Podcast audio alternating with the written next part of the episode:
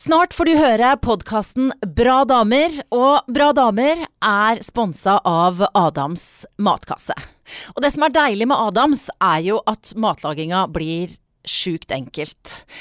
Nå bruker jeg Ekspresskassen, eh, og det er jo helt nydelig, for da har de kutta opp grønnsakene for deg, de har blanda krydderet, de har laga sausen, sånn at du på superkort tid. Altså det tar maks 20 minutter å få middagen eh, ferdig.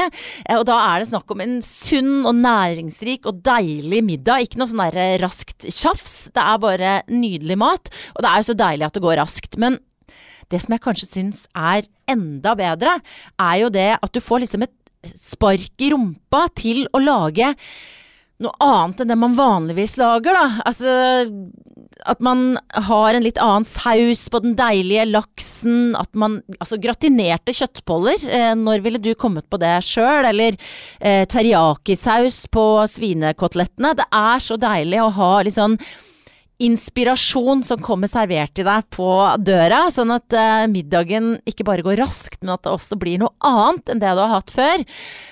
Og det gjør i hvert fall eh, hverdagene mine enda lysere og lettere og eh, ja, mer smakfulle, da. Eh, og jeg skal hilse fra flere andre i familien min og si at de er fornøyde også. Og hvis du har lyst til å prøve Adams eh, matkasse, og kanskje spesielt Ekspresskassen, som eh, jeg er kjempefornøyd med, så kan du bruke kodeordet 'bra damer'. Bra damer i ett ord, det er rabattkoden du kan bruke. Hvis du aldri har prøvd Adams før, da får du halv pris, 50% på din første matkasse. Og husk Bra damer trenger bra mat.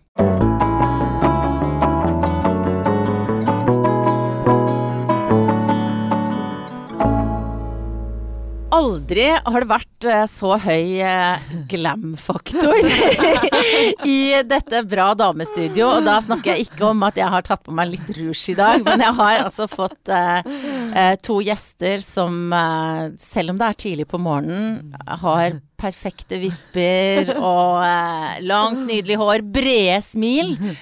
Søstrene Vita og Wanda. Mashadi. Ja. ja. Det er Fra, riktig uttalt. Ja, jeg var, mm. var usikker, på, uh, usikker, på, hvor jeg skulle legge trykket, men så mm. ble jeg sånn når man har en litt sånn eksotisk bakgrunn, blir man ikke litt lei av og sånn Hvordan sier jeg egentlig navnet ja, deres? Masadi. Ja. Og så er det, som, det er jo en H der. Mashadi. Mashadi, det er helt riktig. Men vi er på fornavn. Vita Wanda, det er et navn dere kjenner igjen eh, hvis dere har sett på NRK-serien med samme navn, der vi følger dere to, eh, tvillinger fra rett utenfor Kongsvinger. Bor nå på Strømmen. Mm. Jobber i motebransjen begge to.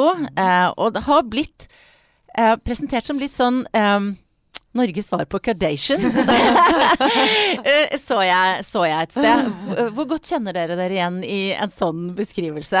Ikke godt i det hele tatt. Nei, eller altså, jeg tenker sånn Kanskje på det klesgreiene og sånn, så kanskje man liksom er litt sånn ja, for det er liksom Kanskje vi har lik interesse der. Men ellers så føler jeg jo kanskje at vi kanskje er litt mer jordnære da, enn de. Jeg vet ikke. så overfladiske. Hva slags eh, reaksjoner har dere fått på uh, serien som nå har ligget på nrk.no en stund? Det har bare vært positivt. Ja. I hvert fall det vi har fått direkte har vært veldig positivt. Så vi har jo på en måte blitt litt sånn wow, det hadde vi ikke trodd, da. Mm. Så det er jo dritkoselig. Mm. Masse meldinger hver dag på alle mm. plattformer, mm. egentlig. Ja. Og så er det litt sånn forskjellige aldre. Det er alt fra liksom 10 år til 56. Er liksom ja. Så det er litt sånn så ja, veldig, Følger du med? Ja. og hva er det folk skriver til dere? Det er alt fra liksom at vi er forbilder, og at de har fått motivasjon av å se på det, til at de syns det er morsomt bare den altså, kjemien vi har sammen, mm. da. Og til at vi ikke tar oss selv så høytidelig. Og, og, så er det flere som har vært sånn, og fulgt det på sosiale medier i flere år og syns at vi har vært så overflatiske, da. Ja. Så har de fått et annet inntrykk når de har sett serien. Og det er veldig gøy, fordi ja. vi vil jo være overflatiske på sosiale medier. Ja, det er sånn det skal være, liksom. og nå har vi vært så heldige at vi på en måte kan vise folk at det er jo ikke bare ikke sånn perfekt sånn hele tiden. Men uh, ja, det er bare sånn man blir jo litt sånn satt ut av hvor hyggelige folk faktisk er, og at folk tar seg tiden til å skrive så lange, hyggelige meldinger, da. Mm. Så vi prøver jo, eller vi har jo faktisk vært flinke til å svare hver eneste en. Ja. Så yes. det tar jo lang tid, men vi er jo to om det, da, så det hjelper jo litt. Ja. Men hva er det som er viktig for dere? Hva er det som har vært motivasjonen for å stille opp? Uh, for dere har jo blitt fulgt liksom, rimelig tett over veldig lang tid. Hvorfor hadde dere lyst til å gjøre det? Først var det egentlig sånn uvisst. Jeg husker at da når man først sendte oss mail, så svarte ikke jeg engang. Vita var veldig sånn jo, prøver. Men jeg var egentlig litt ferdig med TV etter den Robinson-altså delen. Ja, for dere har vært med der også. Ja, ja, Mange kjenner dere kanskje der også. Det var der dere var på Der TV for første gang. Yes. Så jeg var egentlig litt ferdig med det, men så hadde Vita et møte med Noman, og hun syntes det var veldig interessant. Eneste der var at det var liksom ikke en plan, da. Vi visste jo ikke hva vi skulle gjøre. Så det er derfor det har tatt så lang tid med innspilling òg, fordi man bare har filmet kanskje ett og et halvt år uten å vite hva man jobbet mot. Men til slutt så ble vi liksom enige om at ok, det blir en litt sånn dagbok vårt liv, Ja. men samtidig at vi må gjøre, vinkle det på en sånn veldig NRK-måte også. Så det som på en måte blir hovedtema, da, eller var hovedtema, var jo at nå skulle de endelig legge frem livet til ungdommer med minoritetsbakgrunn som ikke følger en religion eller er troende. For det ser man jo så lite av. Så det ble jo veldig u-NRK med det vi hadde, men samtidig så ble det veldig NRK. Og så var jo de også litt opptatt av at vi på en måte skulle være helt ærlige. Uh, og det var jo noen av tingene, sånn som jeg husker jo med meg selv, så var det ikke noe problem for meg å snakke om neseoperasjon. Og det var bare å ta med kamera, tjo hei, og det skulle jeg liksom filme og sånt. Men vi syntes det var vanskelig å snakke eksempel om den delen med mobbingen og sånn. Da slet Ja. vi ganske lenge. Hvorfor det? Nei, det var jo på en måte kanskje en ting vi har gått gjennom sammen som vi aldri bare har snakket om. Vi har på en måte bare latt det ligge, da. Så husker jeg når, på en måte, når man begynte å ta det litt opp, eller begynte å grave litt, så ble det litt sånn Det var litt ubehagelig. Så kom vi hjem, og så var det egentlig bare sånn Vi satt bare og så på TV og snakket liksom ikke om, om det møtet, da, og bare lot det liksom ligge. Så ble det til at vi bare OK, vi må faktisk snakke litt om det. Så vi begynte jo å snakke litt smått om det sammen, og da var det sånn Oi, men det husker jeg òg, og så ble det litt sånn. Og da husker jeg at vi bare sånn vet du hva, vi må jo bare fortelle alt hvis vi først skal være ærlige, da. Ja, for dere i oppveksten, det å være Se litt annerledes ut, eh, komme fra, bo på et eh, ganske lite sted og bli liksom lagt merke til. Dere ble kalt for neger, hore. Nesene deres ble kommentert. Eh, hvor mye av det sitter igjen i dere i dag? Sånn som i dag så tenker jeg egentlig ikke noe mer på det. Jeg er veldig ferdig med det, men jeg er veldig glad for at det skjedde. Eller glad og glad, men det har jo formet oss som person sammen. Og jeg tror hvis ikke det hadde vært for det, så tror jeg ikke vi hadde vært så close. Nei. For vi hadde jo typ bare hverandre. Så sånn sett har det vært en fin Man blir jo sterkere av det òg, tenker jeg, hvis man klarer å liksom tenke sånn, da. At man blir liksom Man tør å si fra da, hvis det er noe som på en måte ikke er greit, og man tar seg kanskje ikke så nær av ting lenger på den måten. Så sånn sett så føler jeg på en måte at det har gjort oss sterkere, men det er fordi vi har vært veldig flinke til å motivere hverandre. Da har vi alltid hatt hverandre og liksom tenkt at vi må komme oss gjennom det her, vi skal ikke la de vinne, liksom. For det er jo det de vil. Men også, og nå beveger jeg meg inn på et sånt minefelt, for det er vanskelig mm. å snakke om eh, altså utseende og plastiske operasjoner uten å virke fordømmende. Ja, Så her, altså jeg, jeg, jeg mener ikke Men jeg tenker bare for å problematisere, da. Det at f.eks. at dere fikk pes fordi at noen mente at nesene deres var for store. Ikke sant? Eh, og så har dere begge operert nesa. Er, f- eh, kan, sånn utenfra så kan det jo se ut som at dere lot dere påvirke, Ja. og at de vant. Hva tenker dere om det? Altså, jeg har vært litt sånn Det var jo en periode hvor jeg liksom ikke tenkte noe over det. Da vi liksom ble eldre, så var det sånn Da var man liksom litt fornøyd med seg selv. Og så er det så klart Plutselig så får man litt sånn flashback uten at noen egentlig har sagt noe.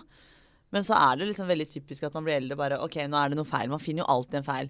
Og da husker jeg liksom at ja, en dag så kan man liksom finne feil med liksom det og det, og man kommer seg over det. Men det med nesa husker jeg liksom ble veldig sånn at jeg begynte å tenke på ting jeg hadde sagt. Eller det folk har sagt til oss, da. Og så ble det bare at det, det ble liksom liggende oppi hjernen og den Herregud, det her går ikke vekk. Og så ble det litt sånn at eh, greit, dessverre da, så må jeg liksom ty til en operasjon. Eh, og hvis det er det som får meg til å føle meg bedre, så greit. Så på en måte så lot jeg de vinne. Men igjen så var det sånn Jeg gjorde det for meg selv. Og da tenkte jeg at det er jo riktig for meg. Og selvfølgelig, hvis man på en måte ikke hadde fått høre det fra barndommen, så hadde nok ikke jeg gjort noe med det, tror jeg. Men det er liksom litt vanskelig å si òg, da. I hvert fall nå når man lever i en verden der operasjoner som har blitt sånn normalisert Ja. i tillegg. Og det er ikke Det det, er det at vi liksom kjører på bare Alle må gjøre det her. Men det var jo, det var jo på en måte et valg jeg tok for meg selv. Og det var jo ikke det at jeg var opptatt av at de rundt meg skulle si at den var fin. Fordi det er jo fremdeles veldig mange som ikke vet at den er operert. Fordi den ser naturlig ut, og de tenker ikke over det. Det er jo noe man tenker over selv. Og jeg husker jo det var jo noen venninner jeg ikke sa det til på starten, som ikke så det engang. Som er nære venninner av meg. Så jeg tror det er veldig hva man tenker selv, da. Og da er det jo litt det at eh, jeg på en måte har fått hørt det hele tiden. At det var liksom feil med meg. Men er det ikke litt trist? Det er jo veldig trist. Det er jo det. Det er derfor på en måte er vi litt sånn at man må liksom prøve å være snill mot hverandre, da. Fordi Man tenker kanskje ikke over det der og da, men visse ting man sier til andre, kan jo påvirke vedkommende uten at man egentlig er klar over det. I hvert fall når det gjentar seg flere ganger i løpet av flere år. Som barn så tenker man jo ikke over at det vil påvirke det andre mennesket. Mm. Men når man blir eldre, det er da man begynner å tenke tilbake på at oi, ja, jeg hadde kanskje den urene huden, og når alle i klassen min sitter og kommenterer det, så kanskje det er noe galt med huden min, da. Så begynner man heller å tenke negativt om det enn f.eks. hårfargen, som kanskje ja. var verre, på en måte. Det var liksom en lettere utvei for meg også. Og bare sånn Nå gidder jeg ikke å sitte med de tankene lenger, liksom. Jeg har hørt det hele tiden og jeg har lyst til å gjøre noe med det. Men ja, det er jo grusomt å si, men jeg har det mye bedre i dag. Mm. Fordi for meg så føltes det riktig, da. Men tenker dere på, nå som, nå som dere har jo masse følgere, og det, dere nå har blitt mer profilerte gjennom mm. denne serien, at de som Altså, ja, dere sier dere får tilbakemeldinger fra tiåringer. Mm. At de tenker Ja ja, hvis jeg blir mobba, så får jeg vel bare fikse på det, da. Mm. Kjenner, hvor stor grad kjenner dere på det ansvaret? Sånn, jeg har jo fått melding. Jeg fikk sendt på Snapchat for noen uker siden. Så fikk jeg faktisk en snap av en kjempefin jente som hadde lyst til å fikse leppene sine. Men jeg så jo at hun var ung, så jeg bare sånn Kan jeg spørre hvor gammel du er? Mm. Nei, hun var 13, da. Og jeg bare, så sa jeg bare sånn Det der skal du holde deg langt unna. Mm. Hun bare Ja, men du har jo fylt Jeg bare Ja, for det første så var jeg 19 da jeg gjorde det. Og for det andre så har jeg ikke gjort det. Nei. Nå er det to år siden vi har gjort det, så jeg var jo 23 da, da jeg begynte. 23, så sa jeg så det er to år siden jeg har gjort det, så hold deg unna det. Og så begynte hun å skrive masse, så sa jeg bare til henne til slutt at eh, ikke for å være frekk, men hvis du skal snakke om dette her med meg, så kommer jeg ikke til å svare deg. Og da var det jo da, ikke sant, Hun ser på meg som et forbilde. Mm. Og da var hun sånn med en gang 'beklager, jeg skal ikke gjøre det', og 'takk for at du sier ifra'. Så det er sånn, jeg har gjort ting selv, men det er ikke dermed sagt at jeg oppmuntrer andre til å gjøre Nei. det. Og i hvert fall ikke når man er så unge. Det er sånn jeg hadde jo ikke gjort det nå, fylt på leppene, på en måte, men da var jeg fortsatt 23, da, og jeg var fortsatt ung. Mm. Så man tar jo fortsatt valg som man kanskje ser tilbake på og tenker det der var egentlig ikke nødvendig. Mm. Og jeg har fått masse rundt neseoperasjonen. Og der er det både voksne og yngre som har liksom vært sånn at de har tenkt på dette lenge og sånn. Og da har jeg alltid svart med at det, jeg har ikke lyst til å fortelle deg hvor jeg har gjort det, og anbefale hvor jeg har gjort det. Fordi det er et veldig stort valg, og hvis du på en måte har tenkt på det her så lenge, så føler jeg egentlig ikke at du trenger hjelp fra meg. Mm. Fordi da har du tenkt på det så lenge, og da gjør du dette for deg selv, og da må du finne ut av det selv òg. Jeg er ikke keen på å sitte der og fortelle deg hvor jeg har gjort det, og liksom oppfordre deg til å gjøre det. Så hvis du på en måte har tenkt såpass lenge på det, så hadde du jo funnet ut av alt rundt også. Og hvis du ikke har tenkt lenge på det, så er det ikke noe vits, liksom. Så deres råd er på en måte ikke gjør det? Ja, hvis sånn, du er sterk nok til å ikke gjøre det, så ikke gjør det. Men det er, sånn, det er lettere sagt enn gjort, tydeligvis. Jeg, men jeg er jo litt sånn det er ikke det ikke gjør det, men jeg tenker sånn hvis vær du skal sikker, gjøre det, så ja. vær sikker og gjør det for deg selv. Og så drit litt i hva alle andre sier. Mm. Hvis noen er sånn 'Å, herregud, da blir du litt sånn fake', og sånn, så er det sånn Ja vel, så blir jeg det, da. Men hvorfor er det greit å på en måte farge håret? Altså, det blir jo liksom litt sånn Det er jo en forandring, det òg, men det er jo helt normalt. Så jeg er litt mer sånn gjør det for deg selv. Og hvis du skal gjøre det, så må du stå for det. Mm. Og det er jo et råd som dere nå da kan gi til de som følger dere. Eh, hvis dere skulle gitt et råd til dere sjøl ja, da dere var 10-15, da. Hva skulle det vært? Hmm. Jeg er veldig fornøyd med alt jeg har gjort. er det fælt å si? Jeg er fornøyd, jeg, men som 15-åring så var det litt sånn Da var man usikker på alt. Så hvis jeg hadde kunnet snakke til meg selv da jeg var 15, så hadde jeg jo sagt at bare ta det litt med ro. Ting mm. blir bra, og du blir mye mer trygg på deg selv ja. når du finner ut hvem du er. Alt handler liksom ikke om utseendet. Ikke at jeg er fornøyd med det jeg har gjort, men jeg merker jo nå at liksom sånn Ok, nå kan det gå tre uker uten at jeg har fylt på vipper. Det gjør meg ingenting. Nei. Mens for noen år tilbake så var jeg sånn Fikk jo spasme hvis det gikk to uker jeg ikke hadde fylt på. Mm. Så det er litt sånn ta det litt med ro. Når du blir trygg på deg selv, så vet du at liksom Det er ingen andre som legger merke til de små tingene som du selv henger deg opp i. Mm. Eller hva? Ja. Det som har slått meg når jeg har fulgt uh, serien deres, er jo nettopp den der kontrasten mellom ja, ja, de fyldige leppene og mm. de lange vippene og mm. det, liksom, det glamorøse i det at dere begge jobber med mote og den type mm. ting. Uh, og det der veldig jordnære. Mm. Utrolig imponerende fotballteknikk, f.eks. Når dere først, når dere først liksom Og det er første gang jeg har sett liksom, noen som er kledd på den måten. Bare ha så kontroll på ballen. Uh, så den derre veien fra Veien fra liksom rå fotball fotballjenter til eh, de damene eh, dere er i dag. Mm. Og jeg sier ikke at det ikke går an å være glamorøs fotballspiller, for det er mulig, men jeg mm. føler likevel at det er en, liksom sånn, en reise, da, for å bruke en klisjé. Eh, hvordan var det det skjedde? Det som var at Vi spilte fotball egentlig fra vi vokste opp, og så flyttet vi ja. jo til Strømmen. Og vi var ikke vant til å på en måte henge med jenter, så da vi først flyttet, første dagen så var vi på fotballbanen. Og da ble vi kjent med alle guttene. Mm. Men så begynte vi å spille på et fotballag med jenter, og da fikk vi egentlig vår første venninne. Men hun nå var litt sånn som oss at det var liksom ikke så viktig å sminke seg. Sånne ting var liksom ikke så viktig da. Men så begynte vi på skolen, og da fikk vi liksom sånn ordentlig en venninnegjeng. Mm. Og de var jo alle sånn superfine og langt, fint lyst hår og brukte sminke og pyntet seg og sånn. Og det var jo da vi etter hvert ble sånn Oi, det her er egentlig kjempegøy. Vi har jo egentlig alltid likt eller interessert oss i klær, Mm. men det har vært mer den der tomboy-stilen, da. At man har gått i løse bukser og store Så ble vi jo liksom litt sånn OK, vi er liksom kanskje halve dagen i fotballtøy. Så når man først hadde muligheten til å ha på seg noe annet, så var det ikke bare å ta på seg liksom en joggebukse. Da ville vi jo se på en måte bra ut og mikse litt med klær og smykker. Og vi var jo veldig opptatt av smykker en periode, husker jeg.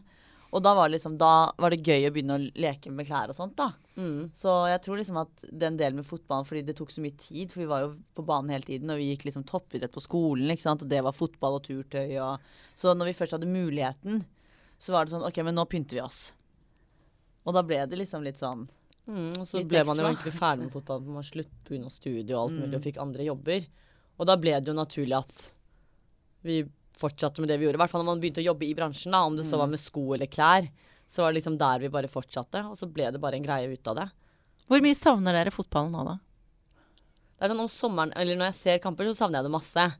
Men Ja, men jeg savner liksom ikke det der å dra på trening og sånne ting. Nei, men, men- det samholdet, for jeg vet at Ja, hadde man spilt nå, så hadde det ikke vært det samme. Fordi på vår alder så må man spille enten seriøst, eller så er det sånn super hobbyfotball. Mm. Og det som var fint da vi spilte både på Strømmen og Vålerenga, var at det var den balansen med at man kunne ta ting seriøst og gjøre det kjempebra, men at man var med alle jentene og hadde det gøy på Ja. trening, da, uten at det var altfor seriøst. Men jeg husker da vi sluttet at det var litt sånn Oi, hva gjør vi nå? Det ble liksom plutselig så brått tomt. Det var sånn OK, nå skal vi bare på jobb, da, eller? Og så var det sånn, De andre jentene spilte jo fremdeles fotball, så var det sånn OK, men da må vi møte de etter trening. Og så ble det jo mindre og mindre tid til hverandre også. Så jeg husker det var liksom litt den der kjærlighetssorgsfølelsen, fordi det ble så tomt. Plutselig så skulle du liksom ikke på trening med jentene lenger, og Men det var liksom et valg vi måtte ta, da. Og hva fyller dere det tomrommet med nå?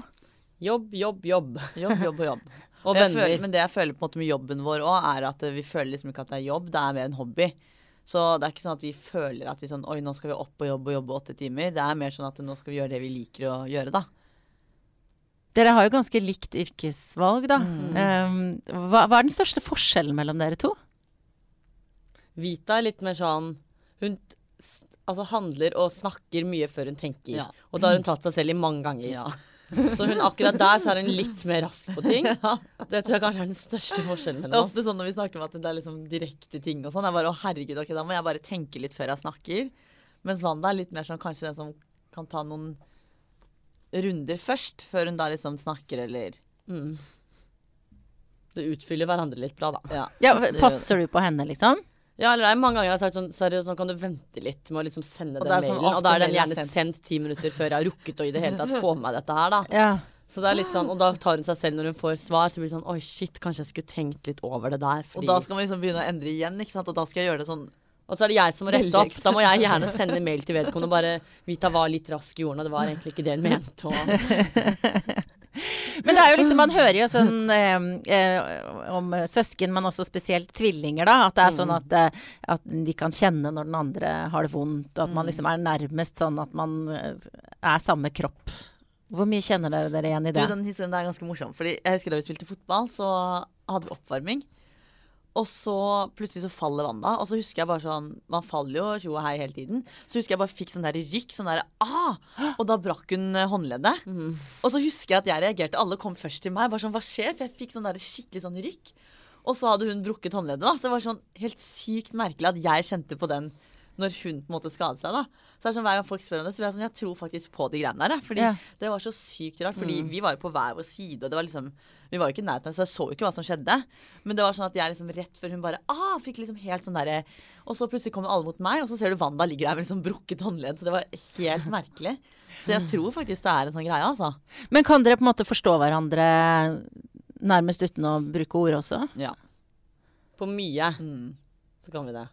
På det aller meste. Det er, sånn, det er mange ganger man på en måte ser rett igjennom hvis jeg spør Wanda sånn Ja, har du en dårlig dag? Nei, nei, alt er fint. Og så er det sånn, jeg vet at du ikke har det. Så det er veldig sånn, vi leser hverandre som en åpen bok. Så det er ikke alltid vi på en måte trenger å si noe, vi bare vet det. Mm. Hvordan var det når dere hadde en tøff periode og ble mobba? Uh, hvor mye hjalp det dere da å være en enhet?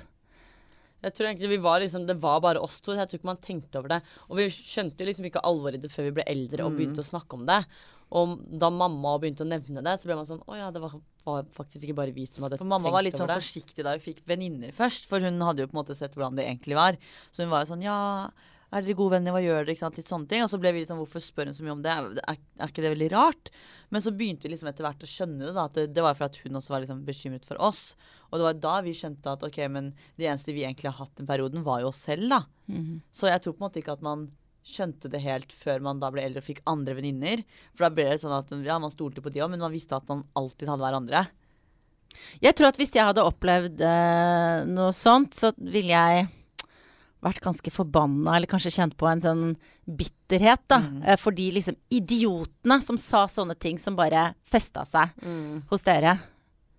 Jeg sånn, jeg føler at vi har vunnet, da. For det er sånn, de har stått der og sagt at dere kommer ikke til å bli noe, og dere er de taperne dere er. Så er det sånn, å ja, men hvor er jeg i dag, og hvor er du? Så det er litt sånn, jeg tenker egentlig ikke noe over det, men jeg merker jo flere av de har vært innom jobben min på Mark og handlet av meg og sånn, og så blir jeg litt sånn, jeg har ikke noe behov for å hjelpe deg. Jeg sier hei, men da lar jeg gjerne en av de Så andre hjelpe gjerne Så får man gjerne en sånn, sånn sneaky like på Instagram, og det blir sånn vi ser Jeg har jo sett at det ja. kommer noen likes her og der, og, men det er sånn, det har ikke noe for meg å si, da. Så gidder vi liksom ikke å gi det den greia at måte, de skal tenke at det er noe som vi tenker over, da. Så det å liksom sitte og snakke Altså vi kan jo snakke om det, men jeg gidder liksom ikke å gi det den greia at, sånn at de føler at de vant. Fordi det gjorde de absolutt ikke. Og da tenker jeg at de vet jo det er de som må sitte igjen med det her og tenke fader at vi har gjort noe sånt. Mens vi er sånn ja ja, synd. Var det noen gang snakk om når dere lagde eh, serien å på en måte ha noe sånn slags møte? Konfrontasjon med Noen var egentlig var veldig keen på det, men bare Det som alltid har vært viktig for meg, da, har vært at man skal gjøre det her til en fin greie. Man skal ikke gi oppmerksomhet til feil folk. Og det viktigste for meg var sånn OK, man skal heller dra tilbake på den skolen og huske det positive og få en fin avslutning, enn å stå der og liksom vise fingeren og bare Det her gjorde dere mot oss. Og det er egentlig det som ble mer riktig òg, for det er egentlig der vi er nå. Det er sånn Er jeg ferdig med noe, så er jeg ferdig med noe. Det er ikke noe jeg liksom fortsetter å holde på eller tenke tilbake på. Så jeg føler egentlig at den avslutningen vi hadde var mer riktig, men så klart, de vil jo også ha god TV, så så klart tenkte de at kanskje vi skal prøve det her. Men når ikke det er riktig eller naturlig for oss, så blir det jo veldig feil å gjøre det. Mm. Så dere lar det på en måte seile? Ja, egentlig. Man er liksom så ferdig med det, da, selv om OK, man har opplevd det, men så får man heller lære av det i stedet. Og hva føler dere er det viktigste dere har lært av å, å ha hatt den erfaringen? Det viktigste er det at man så klart burde være snill mot hverandre, men også at ta vare på liksom de få du faktisk har, for man er ikke alltid helt alene. Om du så blir mobbet, så har du jo familien din. Ta heller vare på de da, enn å fokusere på alt det negative, for det er jo de du skal fortsette å være med resten av livet.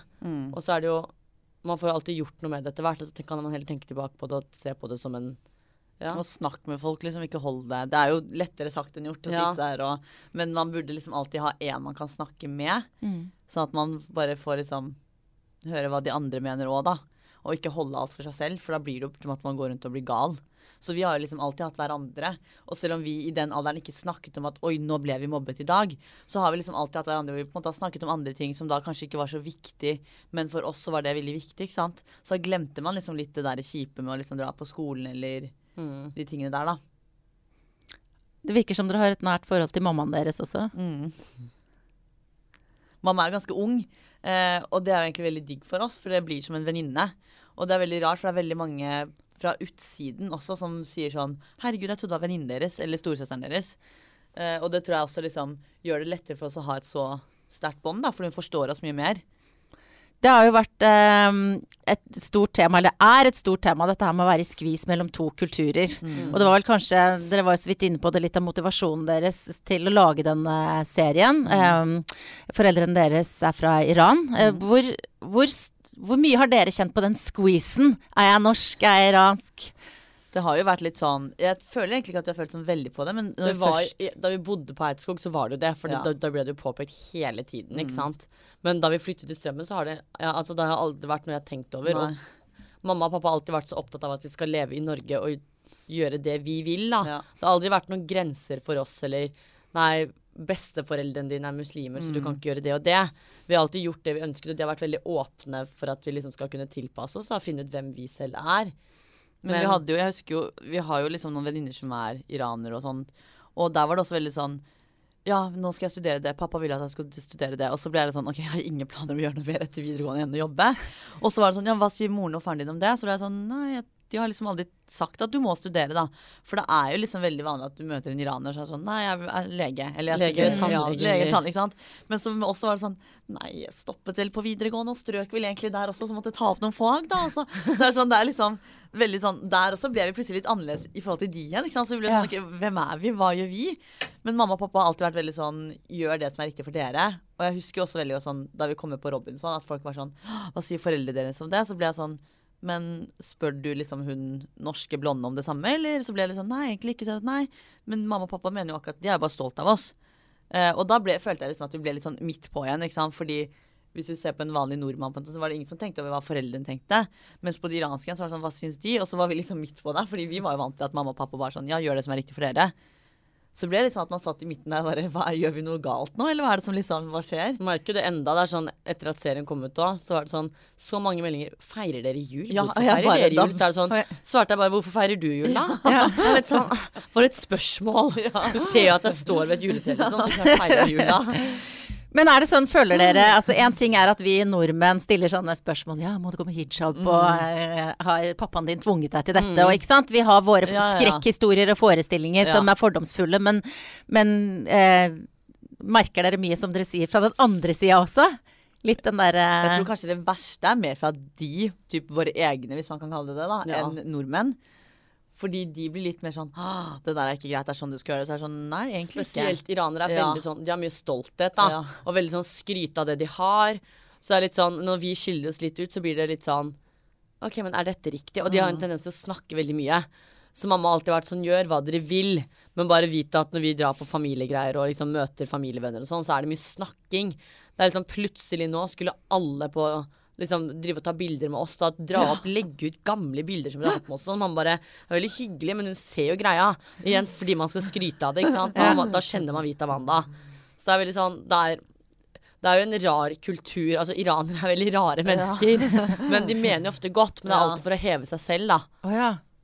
Veldig sånn Skal skryte av det de har, og mye stolthet, mm. og sier sjelden beklager for ting man gjør. Og, ja, bare la det liksom ligge. Men har dere, har dere noe av det iranske ved dere? Eller hva er det mest iranske ved dere, føler dere? Jævla stoltheten. Det er, det er, jeg er sjelden flink til å si beklager, ja. altså. Det, er ofte vi legger, og det, det, verste er når vi krangler. Vi legger oss liksom aldri flate. Det er bare sånn, Da bare bytter vi tema for å liksom la det ligge, og så går den ene liksom surmuler litt over det enda. Men, så eh, snakker man aldri om det, så er det ingen som har sagt beklager, på en måte. Fordi at det, det ligger ikke i deres natur? Nei, det er jo ikke sånn. Nei. Og det merker jeg liksom hvis vi krangler med mamma og sånn òg.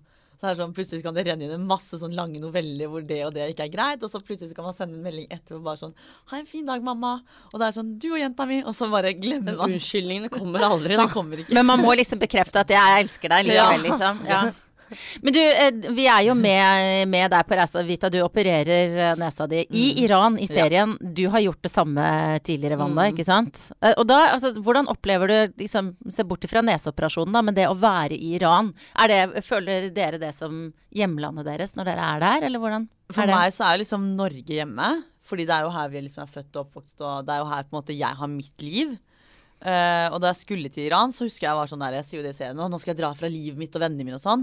Så jeg, det er fordi at jeg på en måte Jeg har liksom ikke lest meg nok opp, da. Og så føler jeg at det jeg på en måte ser rundt omkring, er liksom ikke det som er virkeligheten. Så når jeg dro, så satt jeg liksom med et sånt bilde som kanskje de fleste har av Iran. Men da jeg kom dit, så var det noe helt annet. Det var jo liksom For det første så får du så sykt mye kjærlighet bare av familien din. Nå har jeg familie der.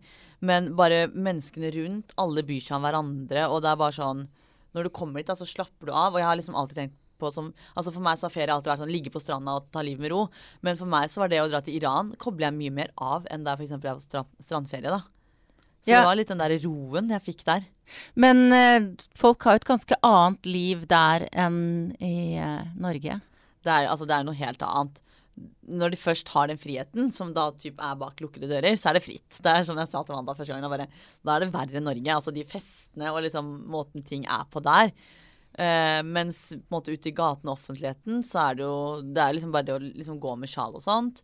Og så er det at ting er jo mye mer sånn Du må jo passe litt mer på hvordan du kanskje kler deg, hvordan du går, hvordan du ser ut. Men så fort du kommer på en måte hjem, eller liksom Ja der hvor det er privat, da, så er det bare å liksom gjøre akkurat som du vil. Da gikk jeg i korte skjørt og liksom utringning, og det var, da var det liksom bare sånn Så jeg pakket jo egentlig med meg en ganske vanlig feriekoffert.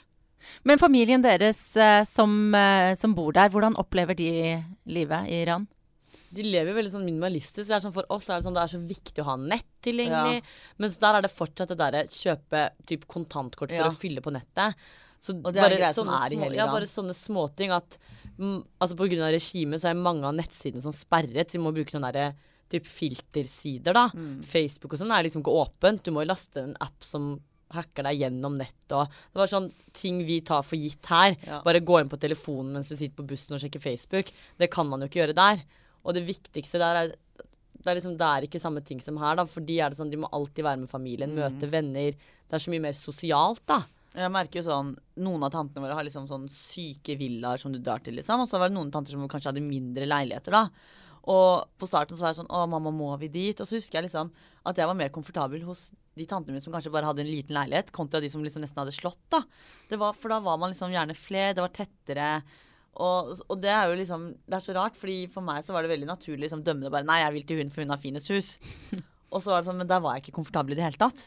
Så det er veldig, veldig rart, det. Det var sånn Det er så vanskelig å beskrive det. Så jeg sa til han du må dra og føle på det selv, fordi det var så vanskelig for meg å forklare henne hvordan ting egentlig var, da. Mm. Men følger dere med på situasjonen? Er dere engasjert i, i det som foregår i Iran? Engasjert blir kanskje litt feil, men vi følger jo litt med. Har jo men, fått det med oss, i hvert fall. Men vi, det er mer sånn at vi kanskje snakker med kusiner og fettere der og liksom Hva skjer nå? Og så forteller de litt. Eller så ringer vi gjerne mamma og hører, da. Mm. For mamma er liksom veldig oppdatert. Hva var det som uh, gjorde at de flyktet da de dro hit til Norge? Foreldrene deres? For de så var det den friheten, og at de ønsket ikke at barna deres skulle vokse opp under liksom det regimet som er nå, da. Mm. Så de var veldig opptatt av at liksom, vi skulle leve et fritt liv og et godt liv. Og mamma og pappa følte ikke at de kunne gi oss det vi fortjente der. Så det var derfor de egentlig bare flyttet. For de tenkte at vi vil ikke fortsette livet vårt her, da. Og i hvert fall ikke med barna våre. Eller hvis de skulle få barn. De ble jo ikke gravide. Nei, nei, men det var jo planen plan å få oss, da. Eller barn, og så ble det oss. det er jo ganske, et ganske sånn eh, stort livsvalg å ta. Mm. Eh, å flytte til et så annerledes land som mm. eh, Norge er, på så mange måter. Mm. Hvor mye tenker dere på det livsvalget foreldrene deres tok ja, før dere var eh, Ja, det var kanskje påtenkt, men før dere var født? Det var ikke noe jeg tenkte over Det er liksom ikke noe vi har tenkt noe sånn særlig over. Så husker jeg, jeg vet, husker om du var med, men så snakket jeg faktisk med pappa om det for ikke så lenge siden. Jo, det var jo nå i julen. Ja, det var kanskje julen. Så hørte du med han, for de bare Men hvordan kom dere hit? Og, så det var jo gjennom ja, FN, men pappa bare Det var uvisst hvilket land vi hadde kommet til. Og vi satt der bare det, det Og så fikk de beskjed om at de skulle til Norge, og da var det liksom sånn Det var veldig greit og trygt og alt der, men så Det var en morsom historie, fordi de, de var jo flere som hadde på en måte kunne, skulle reise med det flyet da gjennom mm. FN og sånn, og så hadde mamma og pappa de kommet til Gardermoen, eller de hadde sluppet av alle der. Og så var det den, den andre pullen han hadde fått beskjed om at de skulle ta et fly til videre. Og de var så happy bare Yes, vi skal ta enda en flytur. Men dere må ta bussen, liksom. dere må ta bussen videre og sånn. Og lite visste de at de skulle bli plassert i Finnmark og sånn, ikke sant. Ja. Så pappa bare Vi trodde jo hele tiden at å, de skulle ta et fly til, at det var så luksuriøst da, og det var så gøy. Så de var jo heldige, men lite visste de at vi faktisk var de heldige, fordi vi kom jo faktisk nærmere Oslo. Vi kom jo liksom et mye bedre sted sånn i forhold til alt fra vær til liksom som da var Skotterud, da. da. Ja, ja, sånn som var Skotterud. Mens de andre havnet jo i Finnmark og la, altså langt, langt, langt opp i nord. Så det var en fun historie, fordi de visste jo så lite om ja. altså omverden, så de tenkte at hvis man tar flere flyturer, så er det mer luksuriøst. de måtte jo liksom Altså, det var jo helt sykt han fortalte. De måtte jo begynne helt fra bunnen, liksom. Det var jo bare sånn, Vi satt der og bare Wow, altså. De har jo bygd opp alt selv. Så jeg, da fikk jeg liksom Jeg har jo alltid hatt respekt for foreldrene mine, men da ble jeg sånn Wow, at dere har fått til det, da det var jo hva han sa. De levde jo kanskje på liksom Det var ikke mye de levde på om dagen eller i måneden, da, men mm. at de mm. liksom har klart å bygge det opp. Og pappa var liksom sånn at han gikk rett på studiene for å liksom få en utdanning og liksom fikse et liv, da. Og så var det liksom mamma satt hjemme med oss og Nei, det var, det var helt sykt. Mm. Og det er jo sånn vi har liksom aldri spurt. Så når vi først spurte, da vi fikk hele historien, så ble vi sånn wow. Dere jobber jo hardt, har jeg mm. skjønt. Um, uh, du på Nei, nå må jeg passe på at jeg ikke Du jobber på Mark Jacobs, Amanda. Og Vita skal begynne på ny, ny jobb i Magmaloo, en butikk som uh, de som bor i Oslo uh, kjenner, eller som sikkert følger litt med på nett og sånn også. Um, hva gjør dere når dere ikke er på jobbene deres? Vi har veldig lange dager, da. Så Ja. det er jo som regel i hvert fall jobb. Og så prøver man- vi å Må man være med litt venner og sånn, og så prøver vi å skvise inn alt dette med å fikse øyenbryn. Ja, det er jo vanskelig, det der. Så det er Jeg tar det mye tid å være, ha en sånn stil som dere kjører? Det er heldigvis bare sånn en gang i måneden. Men man må jo planlegge det, ikke sant. Og så vil man jo være med venner, og man vil jo gjøre ting òg. Men jeg merker når man jobber åtte timer, og gjerne overtid her og der, og jobben er livet ditt Jeg tar jo med jobben hjem òg. Ja. Så er det litt sånn Du må jo planlegge. Og det er jo Man vil jo liksom fikse negler og sånn, men det er jo slit når man vet sånn Åh, etter jobb skal jeg fikse neglene, jeg kan ikke dra hjem og Ja. slappe av. Eller man skal gjøre det før jobb, da. Så er det sånn å herregud, nå skal jeg opp tidlig fordi at jeg skal være hos negledamen klokka åtte, eller ikke sant. Litt de tingene der, da. Men eh, et, hvis vi ikke er på jobb, så er vi veldig flinke til å være med venner og være sosiale. Fordi jeg føler for oss er det ro. Mm. Eh, veldig opptatt av å lage god mat og liksom egentlig bare slappe av. Og så trene, hvis man får tid til det. Så det er litt sånn, litt sånn vanlige ting, egentlig. Mm. Men du, det, og negler og sånne ting som dere sier er liksom litt slit å holde. Mm. Ja, vurderer dere bare å drite i det av og til? For det første, øyenbryn må man jo opprettholde, for hårveksten vår er Ja. ganske, ganske drøy. Eller akkurat ved øyenbrynene. Altså Hvis ikke vi går dit hver andre uke, så ser du ut som monobryn. Ja. Og greia er at Vi hadde en episode der vi bare overnappet øyenbrynene våre. Så vi sto der og man bare Hva er det dere har gjort? Det var en strek. Så der har vi liksom fått beskjed om at det får vi ikke lov til å styre med selv. Så den er litt sånn føler vi må. Vipper gjør man fordi man føler seg freshere. Slipper man å stå med maskara. Men det er jo Og litt negler er litt sånn, jeg føler I jobben min så må jeg ha stelte negler. Det er en av, altså et av kravene. Og da er det jeg, Hvis ikke jeg har noe på neglene, så biter jeg de. Så jeg kan ikke bare ha neglelakk. Så da må jeg ha det òg. For meg så er det sånn Det er greit nok at du prøver å liksom unnskylde det her ved å liksom komme deg til Nei, jeg men for meg så er det mer sånn Jeg er litt opptatt av at jeg skal se bra ut, da, og det vet jo folk, liksom. Og det, det er overfladisk, men sånn er det. Så for meg så er det jo, selv om det er stress, så er det jo den roen, da. At liksom kommer ut fra liksom vippesalongene, føler deg fresh, ikke sant. Litt de tingene der. Så jeg gjør det fordi at jeg på en måte har lyst til å gjøre det òg. For hadde jeg på en måte en dag gått lei, så hadde jeg sluttet. Men jeg liker å gjøre det. Og det er jo det er ikke sånn at man hver morgen er sånn Yes, nå skal jeg stå opp på jobb, men du må gjøre det òg. Så for meg så er det sånn Du må gjøre det. Men den, den eh, selvtilliten eller velværefølelsen, er det, er det noe som kan komme innenfra også?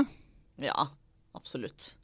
Ja, jeg er mye mer for, altså jeg er sikker på at for noen år siden, og da jeg fortsatt drev med vipper og negler og sånn, så jeg hadde jo det òg, men jeg var fortsatt ikke like fornøyd med meg selv. Det var jo bare liksom fasaden. Men jeg merker jo nå at som sagt, hvis jeg går noen uker uten å fylle vippene og det har falt av, så er Det det, sånn går greit. Jeg overlever fordi jeg vet at jeg er fin uansett, da. Fordi jeg er trygg på meg selv. Mm. Og den tryggheten, hvor kommer den fra? Vet egentlig ikke. Jeg tror det er fordi at jeg har liksom funnet mennesker som jeg vet Eller de som er rundt meg, de er jeg trygg på. Jeg vet at de liksom ikke ville gjort noe for å, at jeg skulle hatt det vondt. Og så er det bare det at jeg har den stabile arbeidsplassen, og så familien min og ikke sant. Jeg vet hva jeg vil, da. Og bare det i seg selv er liksom en trygghet. Så hvis det er visse faktorer jeg er usikker på, så har jeg fortsatt ting som jeg er trygg på. Og så føler jeg at sånn Vi er jo veldig opptatt av å liksom ha de riktige menneskene rundt oss. Og det har jo vært folk som vi på en måte merket med en gang at ok, det her er ikke bra for oss. Som vi kanskje har vært venner med i flere år, da, som vi bare har kuttet fordi det er ikke riktig for oss, og de vil oss ikke på en måte det riktige, føler jeg, da. Så vi har jo vært veldig sånn Det er jo kjipt, men vært veldig sånn opptatt av at vi vil på en måte vi vil på en måte altså, få like mye som vi gir. Så om vi da må kutte noen som vi kanskje har vært bestevenner i flere år, så må vi gjøre det. Det er jo kjipt, så vi har vært litt harde på det. Men igjen fordi vi vet litt hva vi vil. Og vi på en måte står for de tingene vi mener, da. Og hva er det? Be yourself. Ja, og gi faen, rett og slett. Fordi altså, det er sånn liksom ikke Alle har en mening om alt. Da. Så det er sånn, Uansett hva du gjør, så er det noen som syns det er rett, noen som syns det er galt. Ja. Du kan ikke tilfredsstille alle. Så, så lenge du tilfredsstiller deg selv, så er det det viktigste. For det er, du- det er du som skal leve med deg selv. Så får de alle andre rundt seg bare tilpasse deg der, rett og slett. Eller dere lever jo med hverandre, da. Vi har jo Ja. sett dere sover i samme Ja. seng til og med. Ja, det gjør vi hele tiden. Det er så koselig. Hvordan er, hvordan er det? Altså, har dere kjæreste, noen av dere? Nei. Singel. Men hvordan, altså, hvordan funker det? For jeg regner med dere har hatt kjærester opp igjennom. Hvordan er det da så tett som dere lever? det er Sover dere i midten, da, eller? Det er Ja, ja, det har skjedd. det hadde vi her. Jeg, har jo, jeg, jeg møter en person, det er ikke det. Men Du møter her en om person, dagen ja. så hadde vi sånn, Vi hadde vi vinkveld hjemme hos oss og lagde mat. Og han sov i midten, meg og Vita. Det er veldig hyggelig. Nei, sånn, først så startet blir- med han sov ikke i midten, så gikk jeg og la meg først. Og så våkner jeg på morgenen, så ser jeg meg liksom til høyre bare sånn Wanda. Da ble jeg oppriktig skuffet over han ikke lå i midten. Han, oh, ja. For det som var at når vi skulle legge oss Vita la seg tidligere for hun skulle på jobb. Så da vi hadde liksom drukket opp vin og skulle gå og legge oss, så sier han sånn Herregud, rumpa til Vita henger ut, liksom. Jeg bare, han bare Jeg ser rumpa, jeg blir stresset av det her.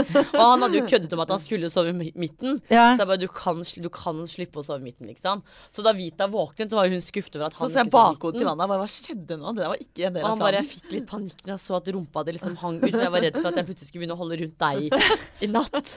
Så ja, han valgte å plassere seg helt på kanten, da. Ja.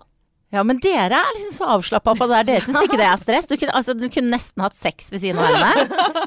Det som er med oss, er at hvis man først skal ha den ene, så må man ha den andre òg. Ja. Ja. Her er det to for én. ja ja, det er sånn det er. Og det tar veldig lang tid for stakkars gutten å bli likt av den andre tvillingen.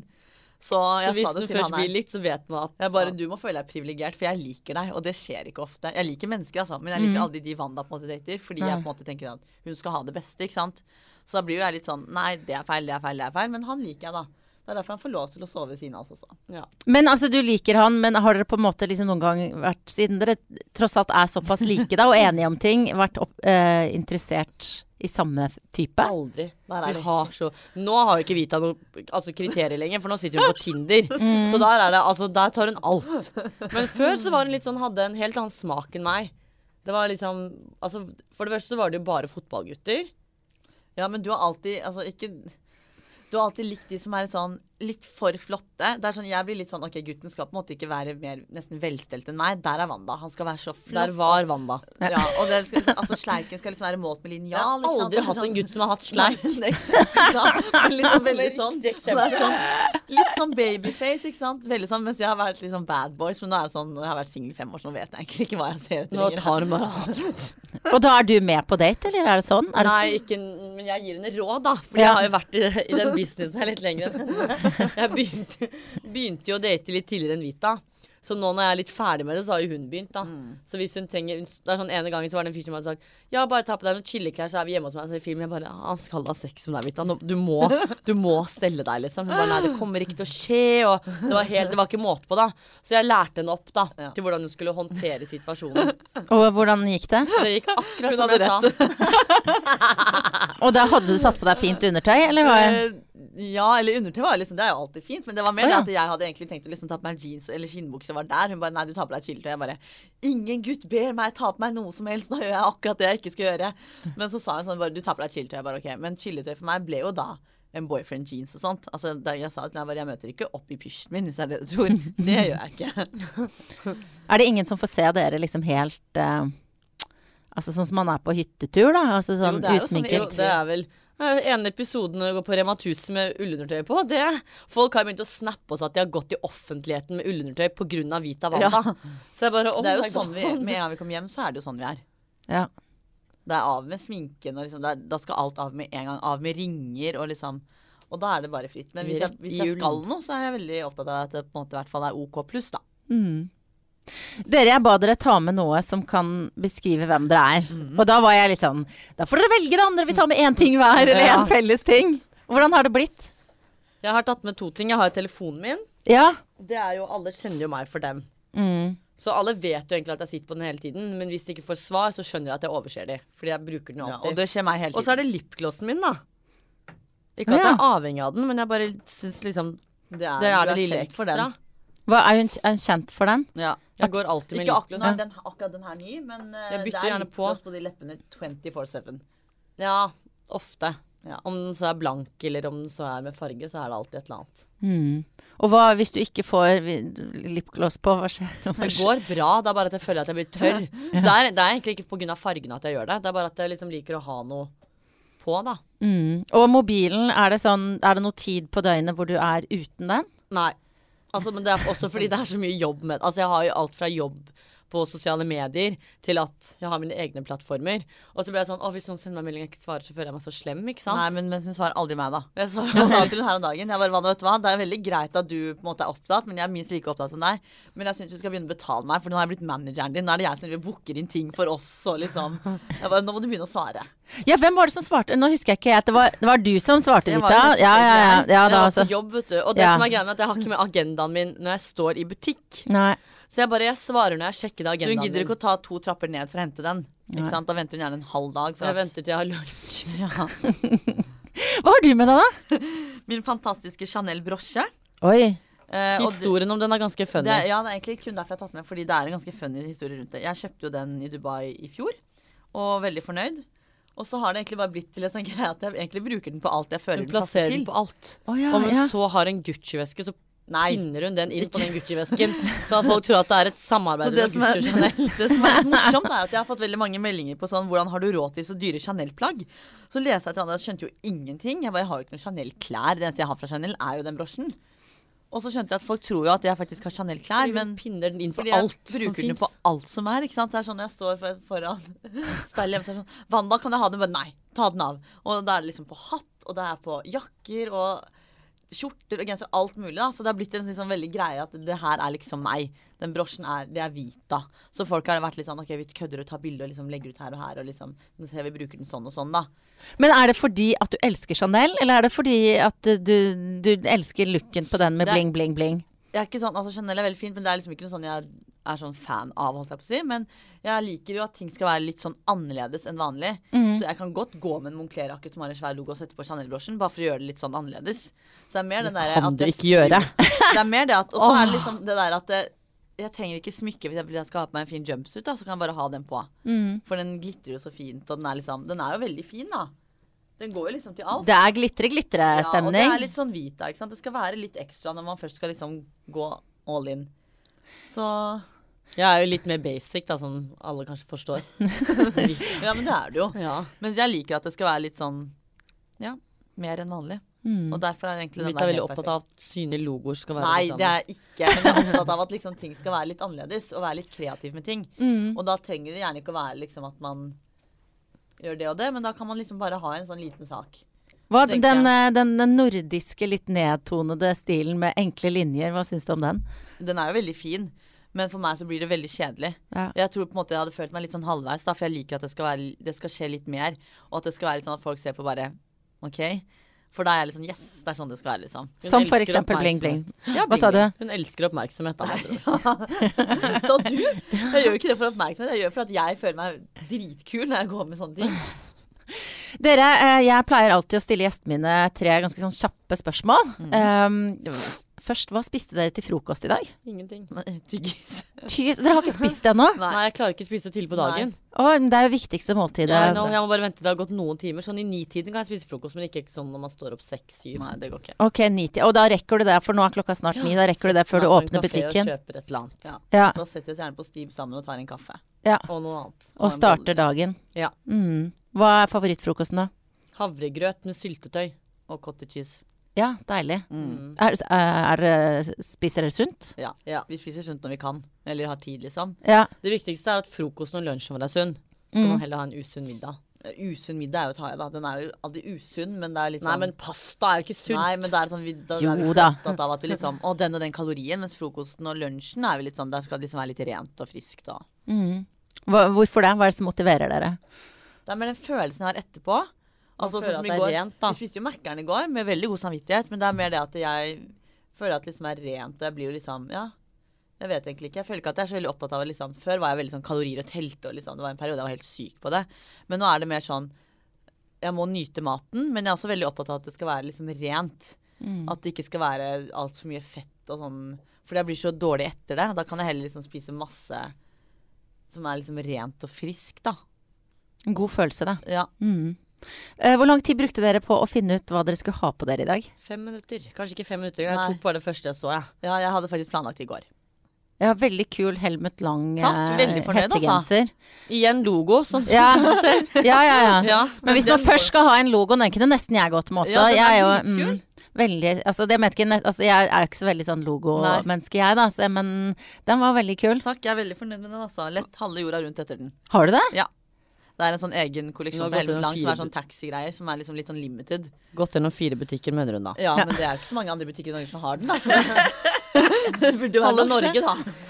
Men ok, du planla i går. Altså, hvor, hva, hva er det du tenkte på når du, skulle, når du planla dette? Hva er det som Det var er jo egentlig viktig at for deg? genseren var ny, så jeg tenkte jeg skal ha på meg den. Og så Ja. tenkte jeg bare Skoene var jo egentlig ganske planlagt, fordi jeg har fått en sånn kul av noen andre sko, så da tenkte jeg må ha noe komfortable. Ja.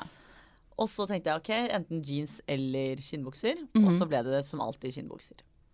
Så det var egentlig ikke sånn veldig Men jeg vet veldig godt hvilke plagg jeg har lyst til å gå med og være komfortabel i. Ja, nettopp. Og det er vel kanskje fordelen med å liksom kunne fashion og ha Ja. det som jobb.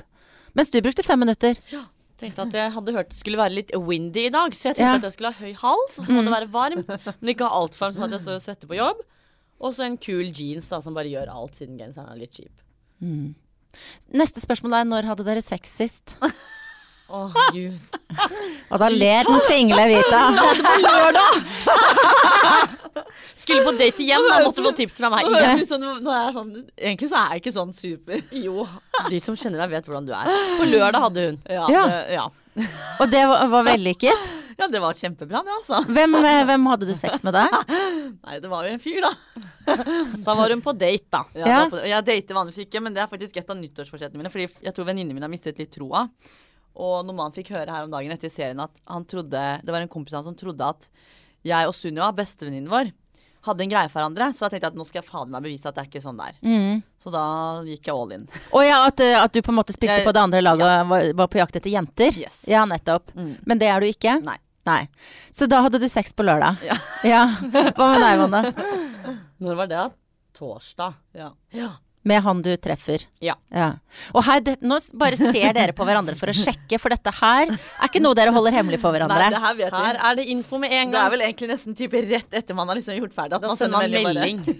Og hva vi- står det i den meldinga? nå har vi en jentegruppe, så vi er fire stykker. Så alle vet jo gjerne når den ene personen skal noe. Mhm. Så jeg har da trent opp Vita til at hvis du vil bli interessert i en gutt og vil ha noe ordentlig, så ikke dra deg buksen. Så først så hører vi ikke noe fra Vita, fordi jeg og venninnen min var på julebord med jobben. Folk trodde jeg hadde dødd. På lørdag sier jeg bare sånn til Madeleine Jeg bare har ikke hørt noe fra Vita. Nå, nå har det gått galt, liksom. Og Madeleine bare å nei, tror du liksom. Og så våknet vi i går på morgenen, og jeg bare nå må vi høre. Ja, da hadde buksene gått av, da.